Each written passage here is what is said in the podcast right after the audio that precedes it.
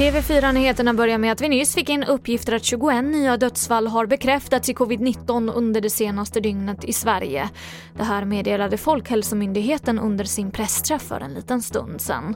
Och totalt har nu 5 593 personer avlidit i viruset i landet. Och mer om detta på tv4play.se.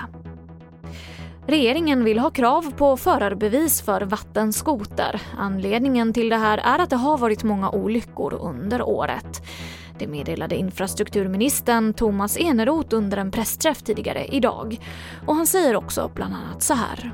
Vi har ju sett hur en del har framfört vattenskoter på ett sätt som faktiskt skapar oro och skapar olyckor.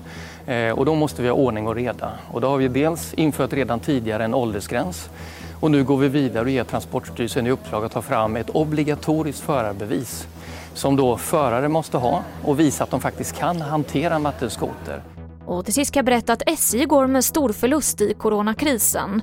För årets andra kvartal blev resultatet en förlust på 623 miljoner kronor. Detta jämfört med en vinst på 262 miljoner kronor för samma period förra året. Och det var det senaste från TV4 Nyheterna. Jag heter Emily Olsson.